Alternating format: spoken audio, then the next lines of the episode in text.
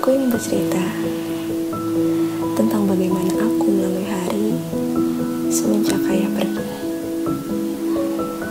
Aku masih menjadi putri kecilmu yang pelupa. Namun, begitu sering mengingatkan orang lain tentang sang mereka. Memang sejak dulu, aku telah berisik ya.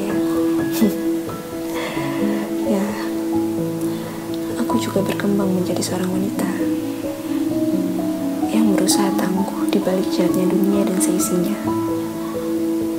Ya, meskipun aku juga bisa menjadi jahat di dalam cerita hidup mereka. Namun terlepas dari semua, kabarku baik. Ayah bagaimana? Ya, aku masih sering membayangkan tiba-tiba ponselku berdering karenamu. Yang isinya hanya mengingatkan, jangan lupa atas semua kewajibanku. Jangan lupa atas tanggung jawabku pada sang pencipta dan sesama. Jangan lupa makan, yang sering kali kutunggu sakit baru dilakukan. Ya, setiap malam putri kecilku selalu berdoa.